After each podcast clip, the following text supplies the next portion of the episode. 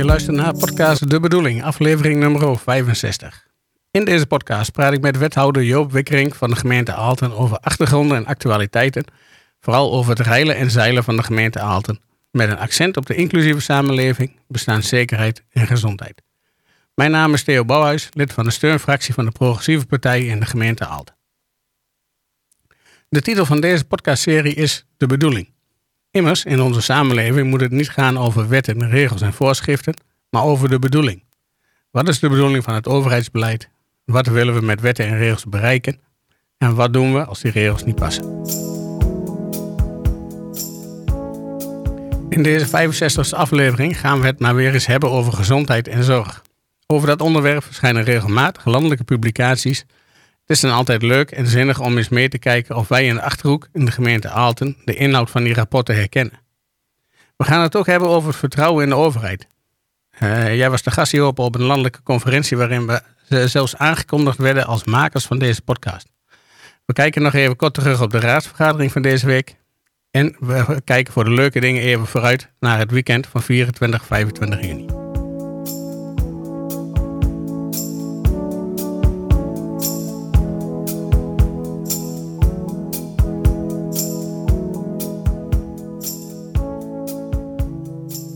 Allereerst over de gezondheidszorg. Er kwam een rapport uit van de Raad Volksgezondheid en Samenleving.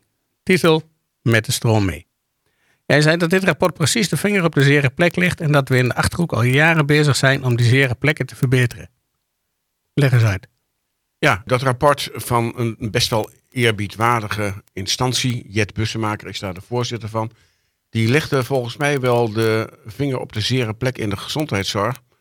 En ze zeiden dat er eigenlijk uh, een aantal kernpunten zijn. Want zeiden ze van met het huidige zorgstelsel krijgen burgers niet de zorg en ondersteuning die zij nodig hebben. Nou, dat is nogal een conclusie. Ja, dat is best een heftige conclusie. Precies. En dit geldt nu al voor groepen die veel en verschillende typen zorg gebruiken, maar zal in de toekomst voor steeds meer mensen gelden. En uh, dat komt ook door het systeem. En ze constateren vier, drie grote problemen. En die herkennen wij volgens mij ook. Allereerst eh, is er sprake van, moeilijk woord, fragmentatie. Uh, het zorgstelsel, zegt uh, het rapport, is te ingewikkeld. Mensen raken daardoor de weg kwijt in het zorgstelsel en missen goede zorg. Nou, daar hebben we het hier regelmatig over gehad. Ja. Mooi dat dat nou ook landelijk uh, zeg maar in een rapport staat. Dat het ja. een knelpunt is. Tweede is concurrentie. Organisaties in de zorg, zoals zorginkopers en zorgaanbieders, moeten met elkaar concurreren. Hierdoor is samenwerking in zorg en ondersteuning moeilijk, terwijl dit belangrijk is voor de goede zorg. Nou, ook precies de spijker op zijn kop. Hoe vaak hebben we het hier ook al niet gehad over wat, wat het toch lastig is om tot partnerschap te komen met zorgaanbieders die in een andere manier weer als concurrenten gezien worden. Eigenlijk ook de, de, de reden wat we, waarom toen de, zorg afgelopen jaar op de schop gegaan is, toch? De, de manier van aanbesteden en de... Zeker, zeker. En daar kom ik zo nog even op terug, hoe moeilijk dat is mhm. als het op de praktijk aankomt. Uh, en een derde is solidariteit. Mensen met een kwetsbare gezondheid en een lager inkomen dragen relatief veel bij aan de zorg. Hierdoor kiezen zij er steeds vaker voor geen zorg te gebruiken die ze juist wel nodig hebben. Nou, dat herkennen we ook. Zorgmeiders, mensen die vanwege uh, geld niet naar de tandarts gaan of vanwege uh, hun lage inkomen geen dokter durven te bezoeken of geen maatschappelijk werk inschakelen of uh, ik hoorde laatst nog van een fysiotherapeut, podotherapeut, waar hier in de open dag bij de Nassau, die zei, ja, mensen met reuma, die hebben vaak goede voedzorg nodig. Uh, maar dat wordt niet vergoed uh, door het ziekenfonds, dus dan doen ze dat maar niet. Terwijl juist met reuma je uh, aan je voeten wondjes kunt krijgen, zei zij, die je als reuma-patiënt niet goed voelt. En dat dat dan verder kan escaleren. Nou, dat zijn allemaal voorbeelden van mensen die om financiële redenen niet het beroep doen op de zorg. Nou, en dat rapport, dat zou dat rapport natuurlijk niet zijn. Uh, als aanbevelingen. ja, dat ze ook aanbevelingen hebben. Ja, en die vind ik toch ook altijd weer leuk om te lezen. Dan denk ik ook wel weer van, nou kijk, we zijn hier in de Achterhoek best wel op de goede weg, want dat proberen wij ook. En de, de eerste is dus eigenlijk, uh, je moet van concurrentie en fragmentatie naar samenwerking en vereenvoudiging. Nou, dus verminder die concurrentie nou in die zorgverzekeringswet. Stel een gedeelde zorgplicht voor gemeenten en zorgverzekeraars wettelijk vast. Nou, dat is een beetje een technisch iets. Maar daar zouden we ook wel wat uh, mee kunnen uh, doen. Omdat nu die zorgplicht ja, gewoon niet nagekomen wordt. En je krijgt dan dat mensen, uh, zeg maar, waar we het nu net even over hadden, vanwege financiële redenen gewoon geen zorg vragen. En deze vind ik ook mooi. Organiseer de ouderenzorg in de toekomst vanuit twee wetten. De WMO van gemeenten en de ziektekostenverzekeraars. Dus niet meer via die, waar we hier wel over gehad hebben, dat verschil WLZ, Wet Langdurige Zorg en WMO. Maar gemeenten en ziektekostenverzekeraars, die moeten de ouderenzorg organiseren.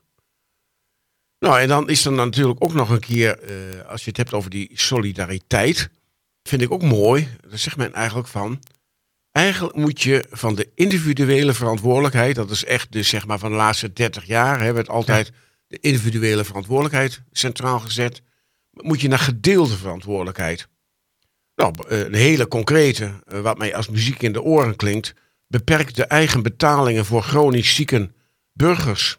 Ja, dat lijkt mij heel erg logisch. Hè? De, we hebben in de bijstand ook al een artikel eh, waarin mensen veel kosten maken omdat ze chronisch ziek zijn, dan kunnen ze dan bijdrage in krijgen. Maar het is natuurlijk veel beter om als je chronisch ziek bent, niet een stapeling van bijdragen te krijgen. Hey, en deze is ook mooi. Verlaag de premie en verhoog de inkomensafhankelijke bijdrage.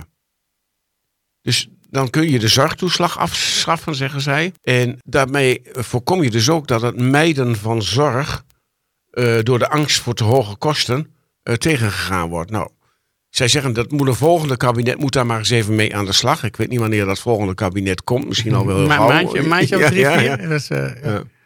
En dan stimuleert dat burgers voor elkaar zorgen. Mensen moeten beter ondersteund worden om voor elkaar te zorgen. Een financiële vergoeding voor het vervangen van professionele zorg kan bijvoorbeeld daarbij helpen. Nou ja, daar hebben we het hier ook wel eens over gehad. Je zou met mantelzorgen, zou je in je werkgeverssituatie zou je iets kunnen doen. Maar het, het gaat er maar over dat uh, mensen uh, in staat moeten worden gesteld om voor elkaar te zorgen. En niet alles op professionele hulp hm. uh, te baseren. Ja, maar als een behoorlijk groot deel van de mensen al in de zorg werkt, dan, dan kun je ze daar ook niet missen. Ja, dus, ja nee, dat, nee, hoe, dat hoe, dan ook knelt dat? Dat, blijft, dat blijft een groot knelpunt, die hele arbeidsmarktsituatie natuurlijk. Ja.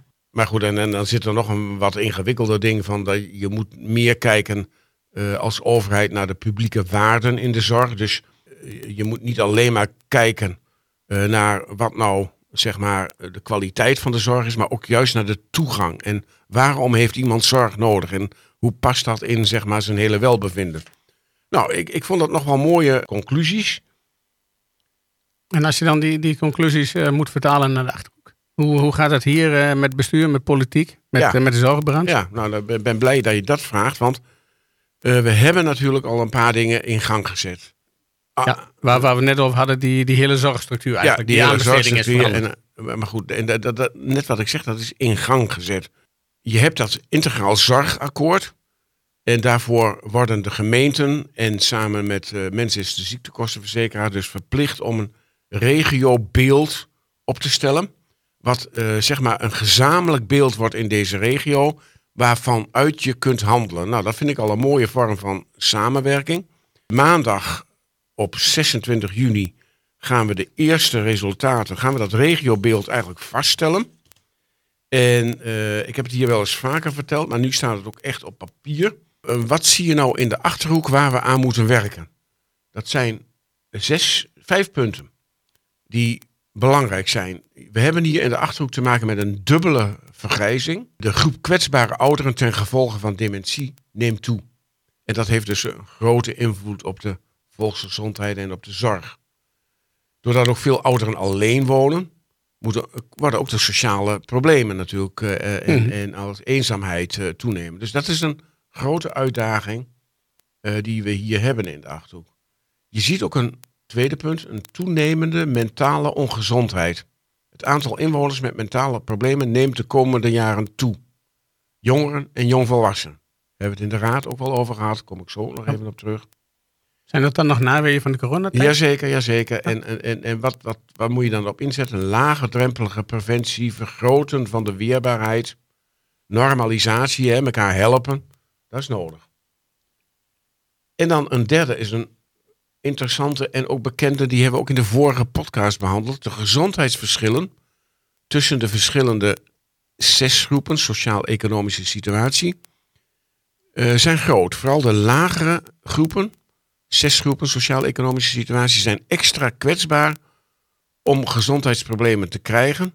Dus we moeten inzetten op integrale ondersteuning van de meest kwetsbaren. Dat betekent een schuldenproblematiek. Dat betekent inkomen, bestaanszekerheid en ook dus gezondheidszorg. Uh, ook vergroten van de weerbaarheid. Maar het potentieel van deze groepen, bijvoorbeeld voor vrijwilligerswerk, wordt niet optimaal gebruikt. Dus daar ligt nog een kans. Een vierde conclusie uit eh, dat regiobeeld is: in de achterhoek is er op dit moment sprake van een passende zorgvraag en een zorgaanbod. Dus dat past mooi op elkaar.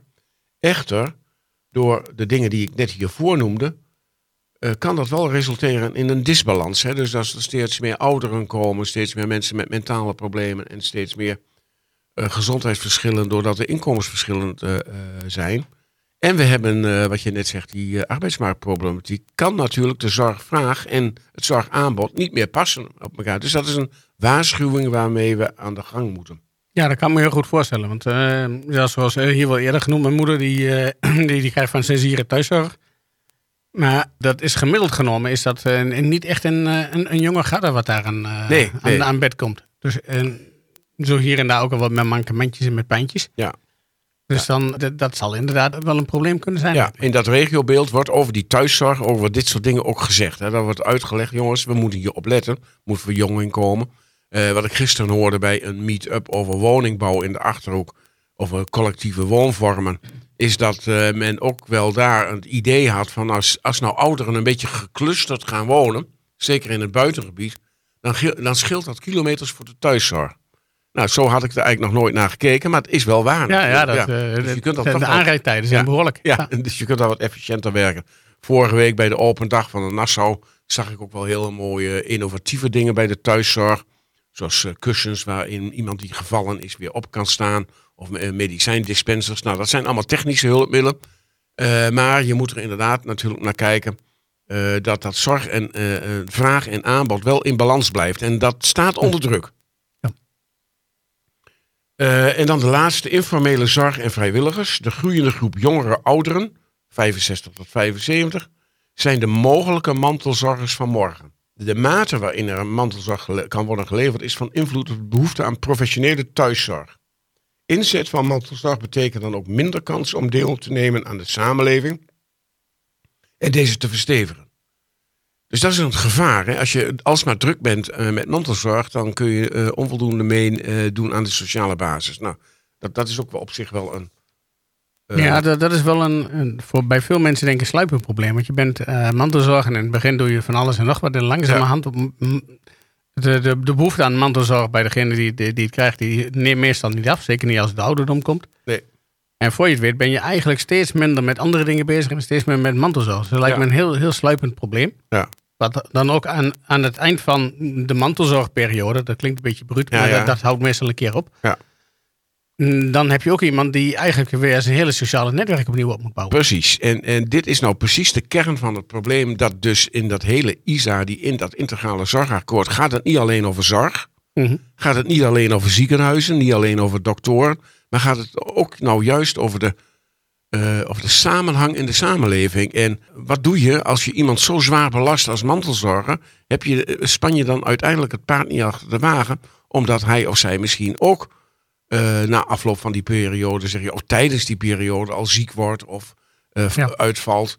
Dus het, het, het is een totaal maatschappelijk probleem, die gezondheidszorg. Niet alleen maar innovaties in zorg, niet alleen maar technische hulpmiddelen, maar het is ook een sociaal probleem, wat we dus met z'n allen moeten oplossen. Ja, want er moet ook een stuk bewustwording bij zijn. Maar vaak is ook de mantelzorger, zowel degene die de zorg krijgt, als, als die, die wil zo lang mogelijk thuis zijn. De, de, degene die mantelzorg geeft, die, die heeft zoiets van, ja, maar dat wil ik mogelijk maken. Die, ja. die, die, die, die, voelt zich tekortschieten op het moment dat hij uh, iemand bijschakelt. Ja, ja, ja. Dat beeld moet anders, denk ik. Dat beeld moet anders, ja. En, en natuurlijk, we zijn met te weinig mensen. Ja. eh, eh, eh, die zorg kunnen verlenen en te veel mensen die zorg vragen. Zeker voor de professie. Dus het is ook weer van belang dat we niet ziek worden en dat we aan preventie doen. Nou, dat beeld is nog niet zo heel gunstig in de achterhoek natuurlijk, want ik som er even een paar op uit dat regiobeeld.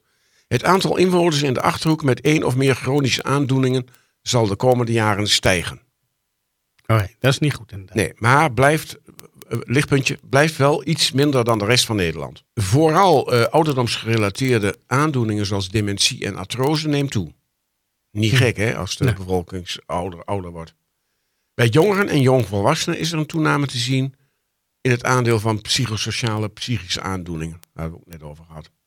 In 2040 zijn kanker, hart- en vaatziekten en psychische stoornissen de diagnosegroepen die de meeste ziektelast veroorzaken.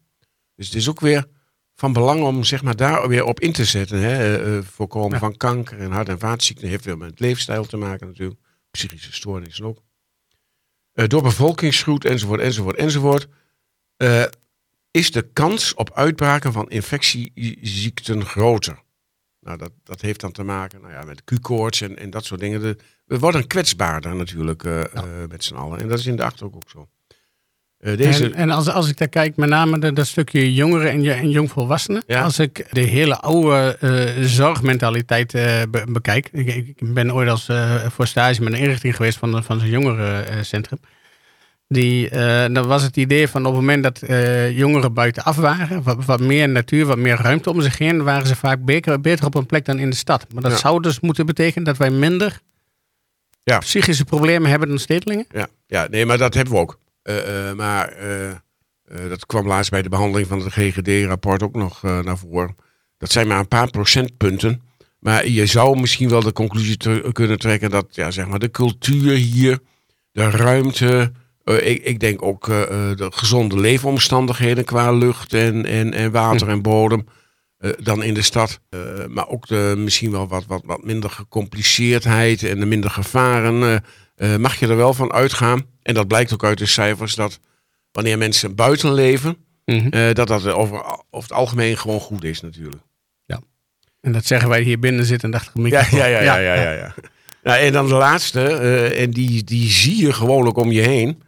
Het aandeel mensen met overgewicht vertoont een stijgende trend. Ondanks het feit dat mensen meer bewegen. In de Achterhoek hebben meer mensen overgewicht dan gemiddeld in Nederland. Dus dat is een indicator die waar, waar wij slecht op, eh, op scoren. scoren. En mensen met een lagere CES, dus mensen met een lagere sociaal-economische situatie, hebben vaker een ernstig overgewicht. Ja, ook wel eh, zichtbaar in de maatschappij. Hè? Ja. ja. Nou, dit wordt dus maandag besproken en ik denk dat de, de, de alle zorgpartijen die daar aan tafel zitten en gemeenten zich daar in grote lijnen wel in kunnen herkennen. Maar dan, eh, wat moet er dan gebeuren? Ja. En dan, dan zegt ook iedereen, we hebben wel wat te doen in de Achterhoek. En wat moet er dan gebeuren? Nou, je zei net al, eh, we moeten die zorg anders or- organiseren. En we moeten normaliseren, zeggen wij dan, en demedicaliseren. Dus het moet meer naar de sociale basis en minder naar de eh, professionele hulpinstellingen. Behalve als het echt nodig is natuurlijk. Ja, maar dat moeten we ook samen doen, toch? Dat kunnen Ja, we toch niet ja. als een Aalten doen of een Oostgelre of nee, een... nee, eh, nee, nou, En daar ligt nou een beetje ook mijn frustratie van de afgelopen week. Eh, we hebben een groot aantal overleggen gehad over de gezondheid en over de samenwerking in jeugd WMO. En steeds weer blijkt eh, dat mensen niet kiezen voor die samenwerking, maar het lijkt steeds wel dat men, eh, men, men gaat voor het korte, korte termijn eigenbelang. En ik snap dat ook wel als jij als aanbieder lonen moet betalen en mensen aan het werk moet houden, dat je dan ook naar omzet kijkt. Ik snap het ook wel dat als gemeenten moeten betalen, dat ze dan kijken naar hoe kunnen we dat goedkoop mo- mogelijk doen, Ja. zonder dat ze kijken naar hoe kunnen we dus de transitie, zoals dat nou zo mooi heet, ook daadwerkelijk ondersteunen door mensen te laten samenwerken en niet alleen maar voor het korte, te- belang, eh, het korte termijn eigen belang. Dat is een positieve kant daarvan betekent wel dat de politiek ook een afspiegeling is van de maatschappij. Die, ja, ja, maar, ja dat maar we willen wel vooruit natuurlijk. We Ja, willen naar, naar, naar partnerschap. En het is ook zo heel moeilijk natuurlijk. Dat stond ook in dat rapport eh, waar we mee begonnen. Als je dan van concurrentie en fragmentatie in de zorg naar samenwerking en vereenvoudiging wilt, Ja, dan kom je dus aan de belangen van, van instellingen en de belangen van uh, gemeenten en, de, en vooral de financiële belangen. Ja, en, maar dan kom je ook aan vertrouwen.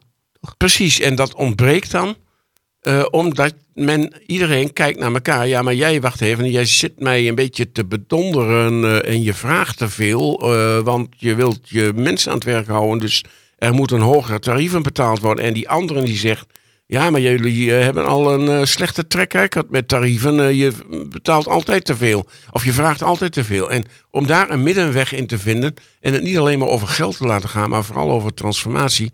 Daar hebben we nog een lange weg te gaan. En van de week waren daar een paar voorbeelden van die mij nog steeds hoog zitten. ik, ik, eh, zie het zelf van je. Ja. maar eh, eh, daar komen we ook wel weer uit. want uiteindelijk denk ik dat transformatie alleen maar kan als je vanuit partnerschap en samenwerking werkt. En niet in concurrentie. En daar word ik in gesteund door dat rapport van het, de Raad voor Volksgezondheid en Samenleving. En, en wat moet er dan gebeuren om dat mogelijk te maken? Moeten lokale politici over hun eigen schaduw heen stappen? Moeten ze weer richten op de lijnen en niet op de, op de details? Wat, wat, wat moet er gebeuren? Ja, dat, je zegt, je geeft de oplossing al. En, en daar kan ook de raad mee helpen natuurlijk. Door uh, uh, niet alleen maar over geld te praten en over dat het budget weer is overschreden of onderschreden. Maar ook naar de lange termijn te kijken. Van wat hebben we nou nodig om onze bevolking gelukkig en gezond te laten leven? Dat betekent e- één, een goede sociale basis. Daar moeten we als raad en als college ook in investeren. Hè? Mhm. Sport, bewegen, cultuur. Om, om die basis goed te houden. En aan de andere kant moeten we dus uh, goede professionele hulp uh, inkopen. Die niet als concurrenten werkt. Maar die als partner werkt. Van de ene kan dit goed en de andere kan dat goed. En in samenwerking met de verwijzer, dus de gemeente. En de inwoner en zeg maar de aanbieder bepalen wat het beste aanbod is. En niet maar gewoon doorbehandelen uh, als je maar steeds die rekeningen kunt blijven sturen. Maar gewoon ook eerlijk zeggen van ja, dit is niet de juiste behandeling. We moeten naar een ander. Of uh, nou ben je klaar en je kunt wat minder hulp krijgen. Dus meer vanuit het belang van die inwoner denken dan uit het belang van de in, instelling. En dat is allemaal zo logisch als wat. Hebben we het zo vaak over gehad. Maar in de praktijk blijkt het enorm moeilijk te zijn. Ja, kan me, kan me voorstellen. Het blijft toch een beetje het gevoel van, uh, ja, maar die, uh, die organisaties die moeten ervan leven. Dus ja. die, die zullen altijd werkgelegenheid willen. Maar ja, de, de, volgens mij heb je als, je, als je zorgverlener bent tegenwoordig sowieso niks te klagen over werkgelegenheid. Nee, nee, dat is zo. En, en ik vind ook van dat zorg, ja, uh, bepaalde organisaties in de zorg, die zouden ook er een eer in moeten stellen om zichzelf overbodig te maken. Mm -hmm. want het is natuurlijk heel veel beter dat mensen voor zichzelf kunnen zorgen. En niet allerlei uh, uh, ondersteuning en therapieën nodig hebben. Die misschien iets te hoog gegrepen of te, te hoog ingeschaald zijn. Maar je zou het graag in die sociale basis ook graag willen oplossen. Dat wil natuurlijk niet zeggen als je een been breekt, dan kun je niet door de buurman laten spalken. Dat weet ik ook wel. Dus er moet er altijd een basis zijn. Uh, maar uh, uh, het zou wat minder geld gedreven moeten worden. En dan heb je een basis voor samenwerking. Je liet net het woord partnerschap vallen. Als je het hebt over partnerschap, dat zei ik net al, van, dan heb je het over vertrouwen. Maar als je het hebt over samenwerking, heb je, gaat het ook. En dat, dat vertrouwen tussen die partijen en, en de overheid, dat wordt steeds moeilijker. wordt steeds minder, lijkt het. Volgens mij is het, het vertrouwen tussen mensen en overheid, dat wordt van mensen in overheid wordt minder. Ik, ik zei net al, we zijn een afspiegeling van de samenleving. Dus de, de, de raad zelf lijkt, de raden zelf lijken daar ook wat minder, minder vertrouwen in te hebben. Jij bent ook bij, uh, bij een congres geweest van de WMO, daar was je uitgenodigd. De vereniging Mediators Overheid met als titel De strijd om het gelijk. Vertel eens, waarom was je daar? Waar ging het over? Ja, dat was een uh, mooi congres van die vereniging Mediators Overheid in Utrecht. En ik zal je eens even voorlezen hoe ik aangekondigd werd in dat programma. Ja. Joop Wikkering. Joop Wikkering is namens de Progressieve Partij wethouder in de gemeente Aalten. Onder zijn taken als wethouder vallen werk en inkomen, WMO, gezondheid en inclusie. Begin vorig jaar werd hij verkozen door, uh, tot beste bestuurder kleine gemeenten. Hiervoor was hij ook al jaren, decennia politiek actief als raadslid. Samen met Theo Bouwhuis maakt hij elke 14 dagen een podcast De Bedoeling. Ja, nou, kijk, toch een landelijke aankondiging van een ja. congres komt onze podcast. En dat was ook een beetje de, uh, de reden waarom ik daar uitgenodigd werd. Want het ging dus over herstel van vertrouwen. Hoe doe je dat nou?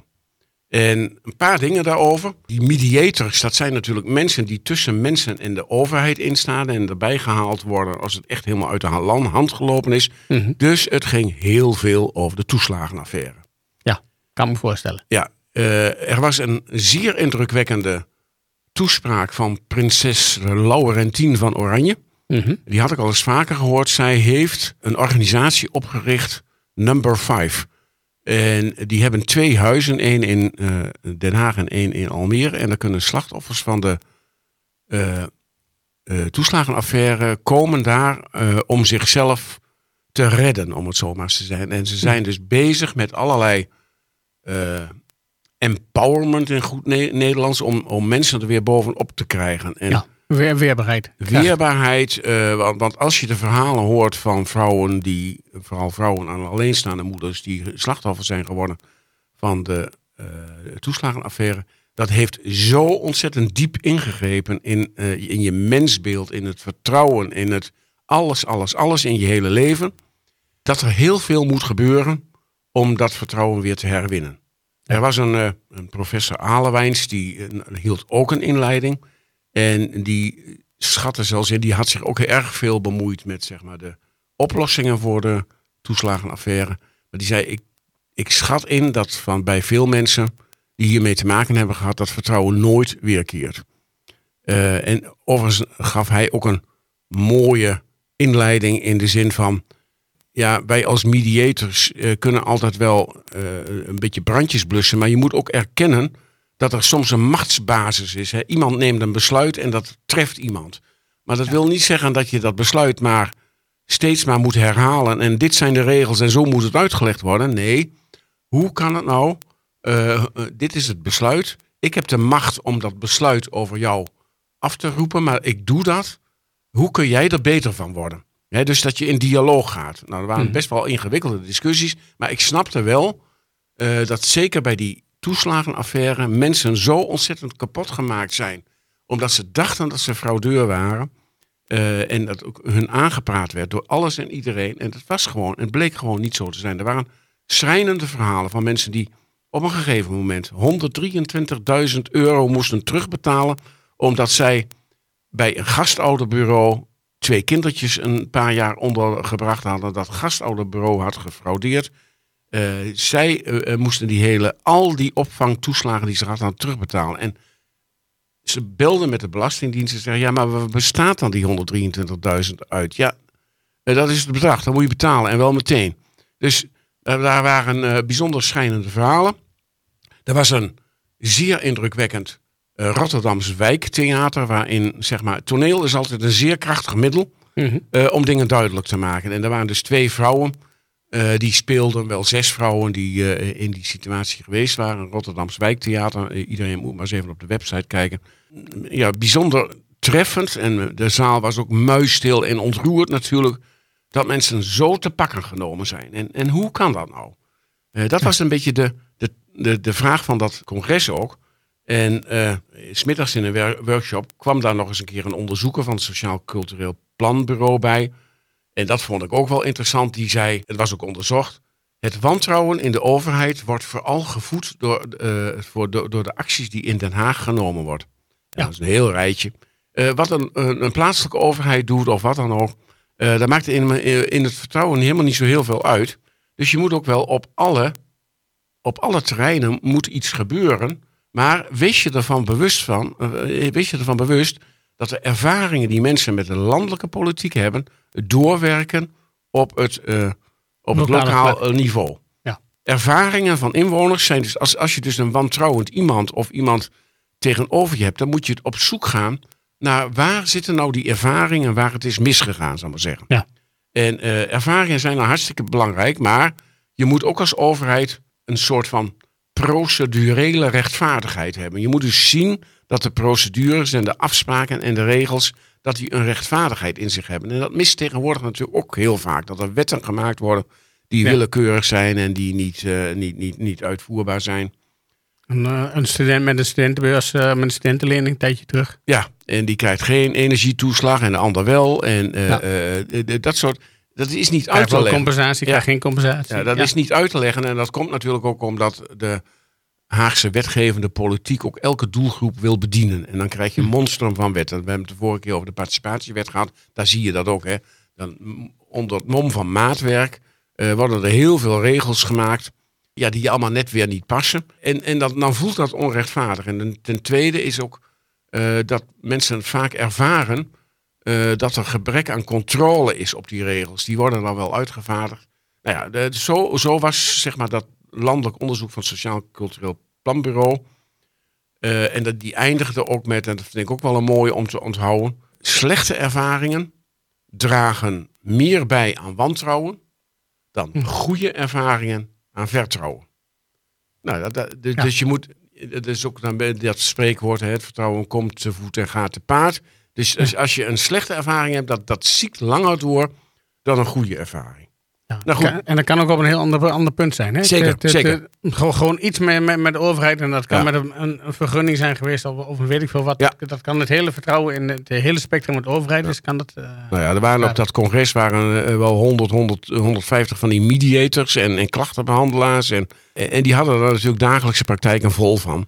Eh, van hoe soms ook de overheid mensen kan vermalen. Nou, en toen dat laatste panel, waar ik dus aan mee mocht doen samen met die onderzoeker van eh, eh, het Sociaal Cultureel Planbureau en samen met eh, die professor die eh, doorgeleerd had voor mediation en eh, een van de toeslagenouders eh, eh, die ook in dat initiatief van prinses Laurentien eh, een prominente rol speelde. En die het ook steeds maar had over menselijke waardigheid. En, en zegt ze, ik ben geen slachtoffer. eh, maar, en- want dan kleineer je mij weer. Ik ben een mens, maar er is mij onrecht aangedaan. En dat wil ik erkend hebben.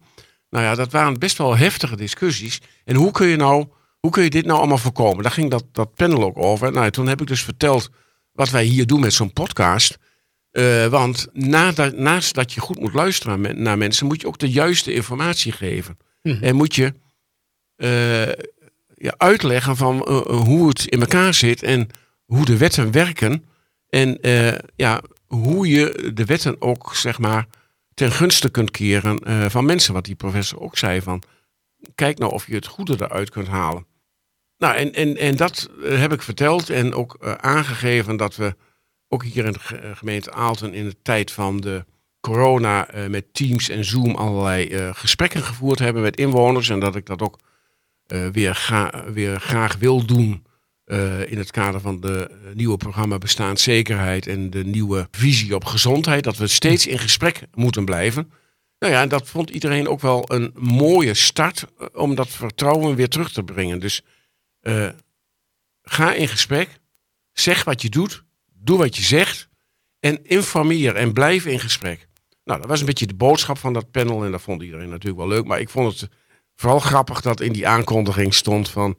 eh, Ja. eh, hij maakt een podcast en eh, ja, daarom word je uitgenodigd. Dus, Ja, ja, dat- dat, is- dat, dat is wel heel erg leuk inderdaad. Maar dat betekent toch een, ja, is toch een stukje erkenning eh, van, van, van inspanning van tijd. ja, Dat is, ja, ja, ja, ja, ja. Dus- Vind, vind ik een mooie. Dus daarmee afronden? ja.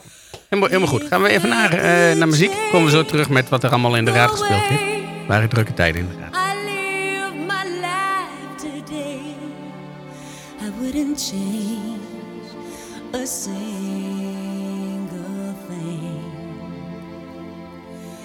Cause if I changed my world into another place, I wouldn't see your smiling face.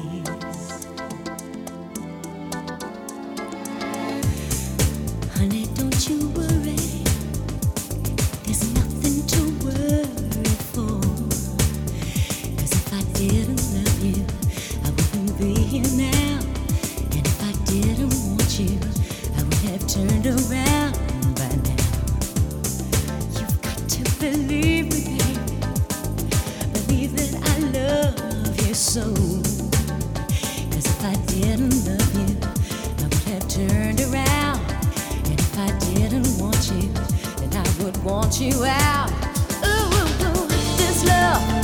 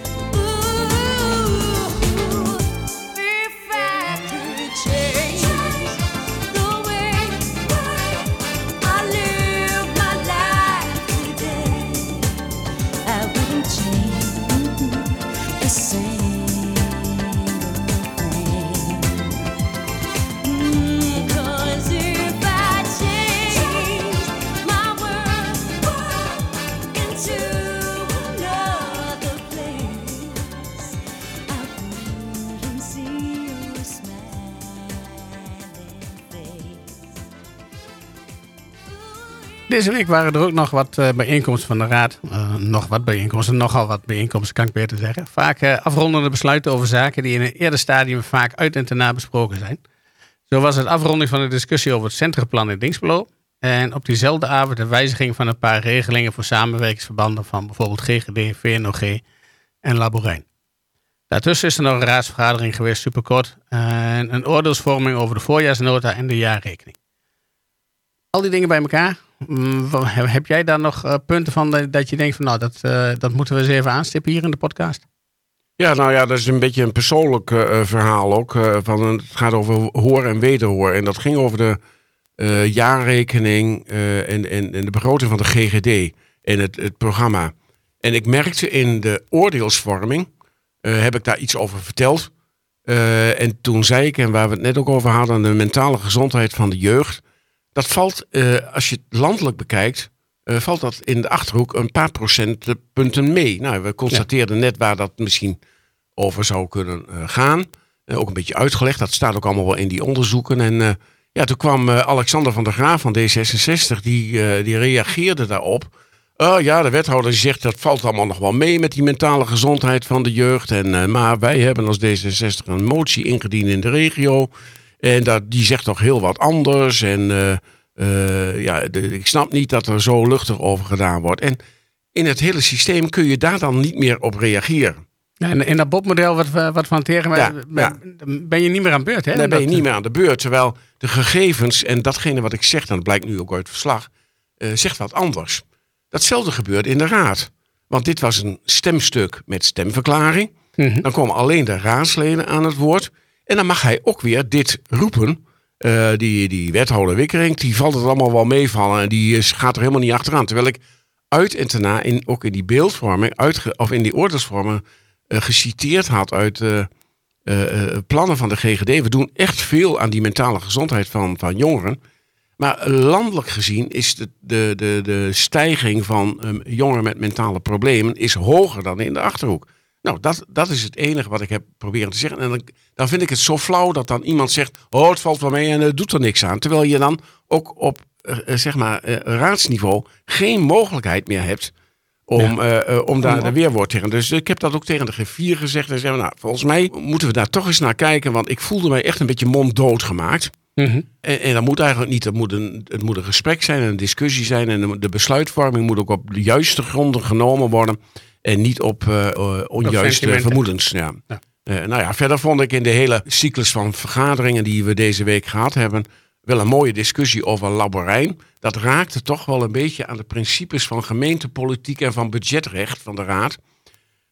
Want het was zo dat de Laborijn zich in zijn activiteiten voor 2024 moest richten op het budget wat er door in meer jaar door de, in de gemeentebegroting van Aalten stond.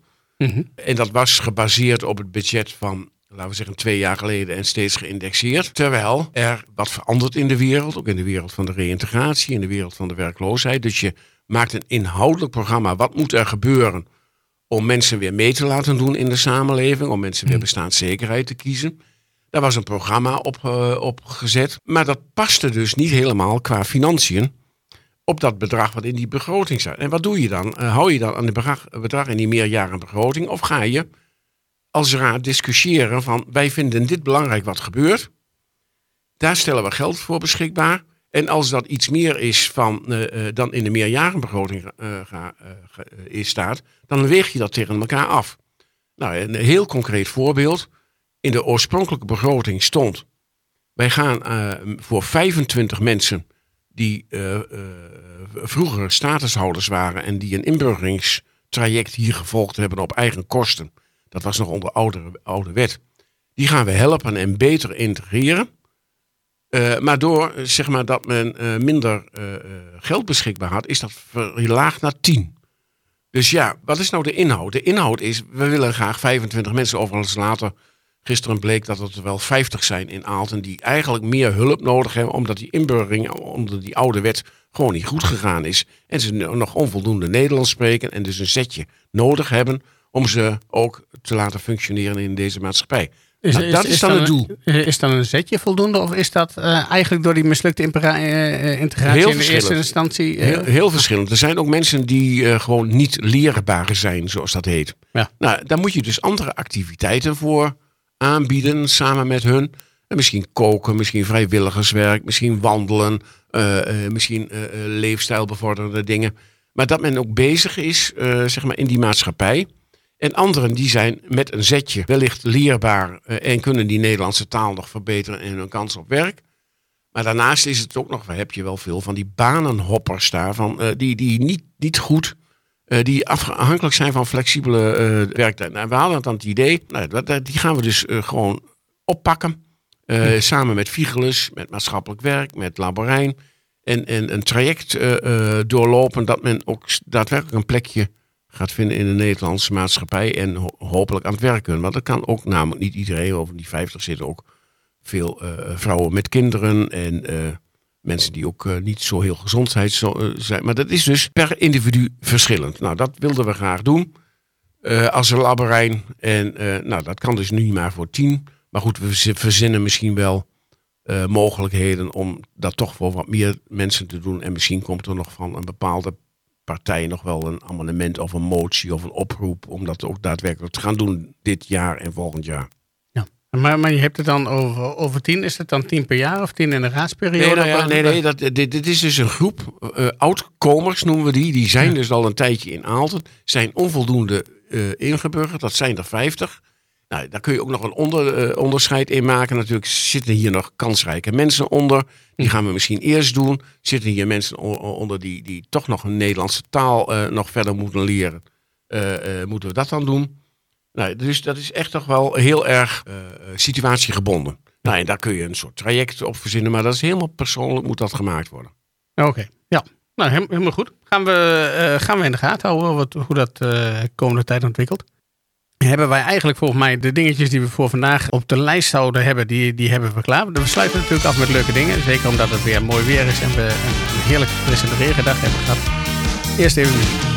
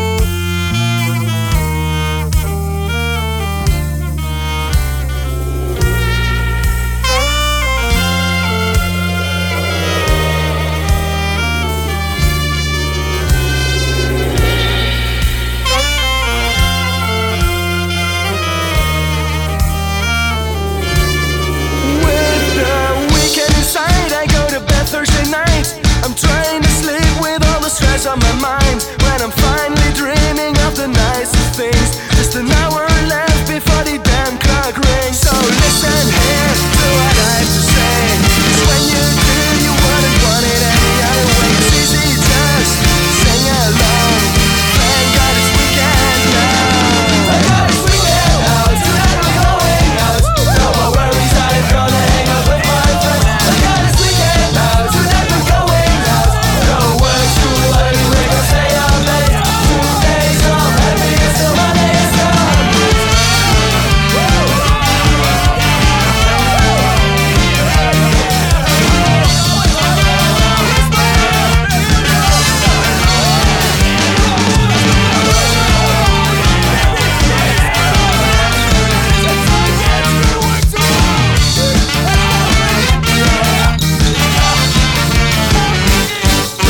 afsluiting met de leuke dingetjes. Het is niet saai en altijd. Er, is, er is een hoop te doen. We hebben een, eh, een farm- en country fair. Maar we hebben ook verschillende culturen in het centrum. Joop. Ja, nou, het komend weekend zijn er best een paar eh, leuke dingen. De Mondiaaltenmarkt is er, hè, allerlei standjes voor derde wereldorganisaties. Die is morgen, eh, de 24 juni. Eh, vanavond wordt het leukste plaatje juryrapport voorgelezen en en prijs uitgereikt in de bibliotheek. Gisteren was er een eh, hele leuke barbecue eh labberijn. Eh, ook altijd leuk om te zijn met alle medewerkers en dergelijke. Eh, midden in de regen, maar dat was een grote tent. En morgen wordt er ook nog een bankje ter ere van Bernard Harfstekamp, eh, die ongeveer een jaar geleden is overleden. Zeg maar onthuld, in, dat wel in de gemeente Winterswijk, maar er zijn ook wel meer mensen bij. Dus er zijn veel leuke dingen te doen. En ja, wij zullen ook gewoon als college bij sommige dingen aanwezig zijn. En ik zelf ga ook naar een paar dingen doen. Dus eh, ik hoop dat mensen zich ook vermaken dit, eh, dit weekend. Ja, nou ja, ik, ik ga in ieder geval sowieso naar Mondiaal toe. Ik moet nog even kijken of ik eh, ook nog de tijd vind om de Farm Country Fair te gaan. Maar sowieso Mondiaal vind ik wel even leuk om te kijken. Dat bankje van eh Bernard Houskamp, dat zie ik later wel een keertje. Denk ik. ik. Ik kom genoeg in het buitengebied om daar, eh, daar naar te kijken. Onze PP-excursies, heb je daar nog informatie over? Nee, de, de- we zijn bezig. Er eh, is iets met eh, een, een, een biologische boer, maar dat hadden we al gezegd. Die is pas op 9 augustus. Ik moet nodig eens even, eh, en moeten we samen even kijken, van wat is nou precies het programma is van, dan kan het hier ook eens aankondigen. Ja, helemaal goed. Want het is bijna juli, hè? Dit, dit is bijna jullie. Dus de afsluiting voor de volgende keer, zullen we nou maar vast, eh, vast is de, de PP-excursies. Ja, oké. Dan dank je je nu voor je tijd en eh, tot de volgende podcast. Ja, oké. Jo.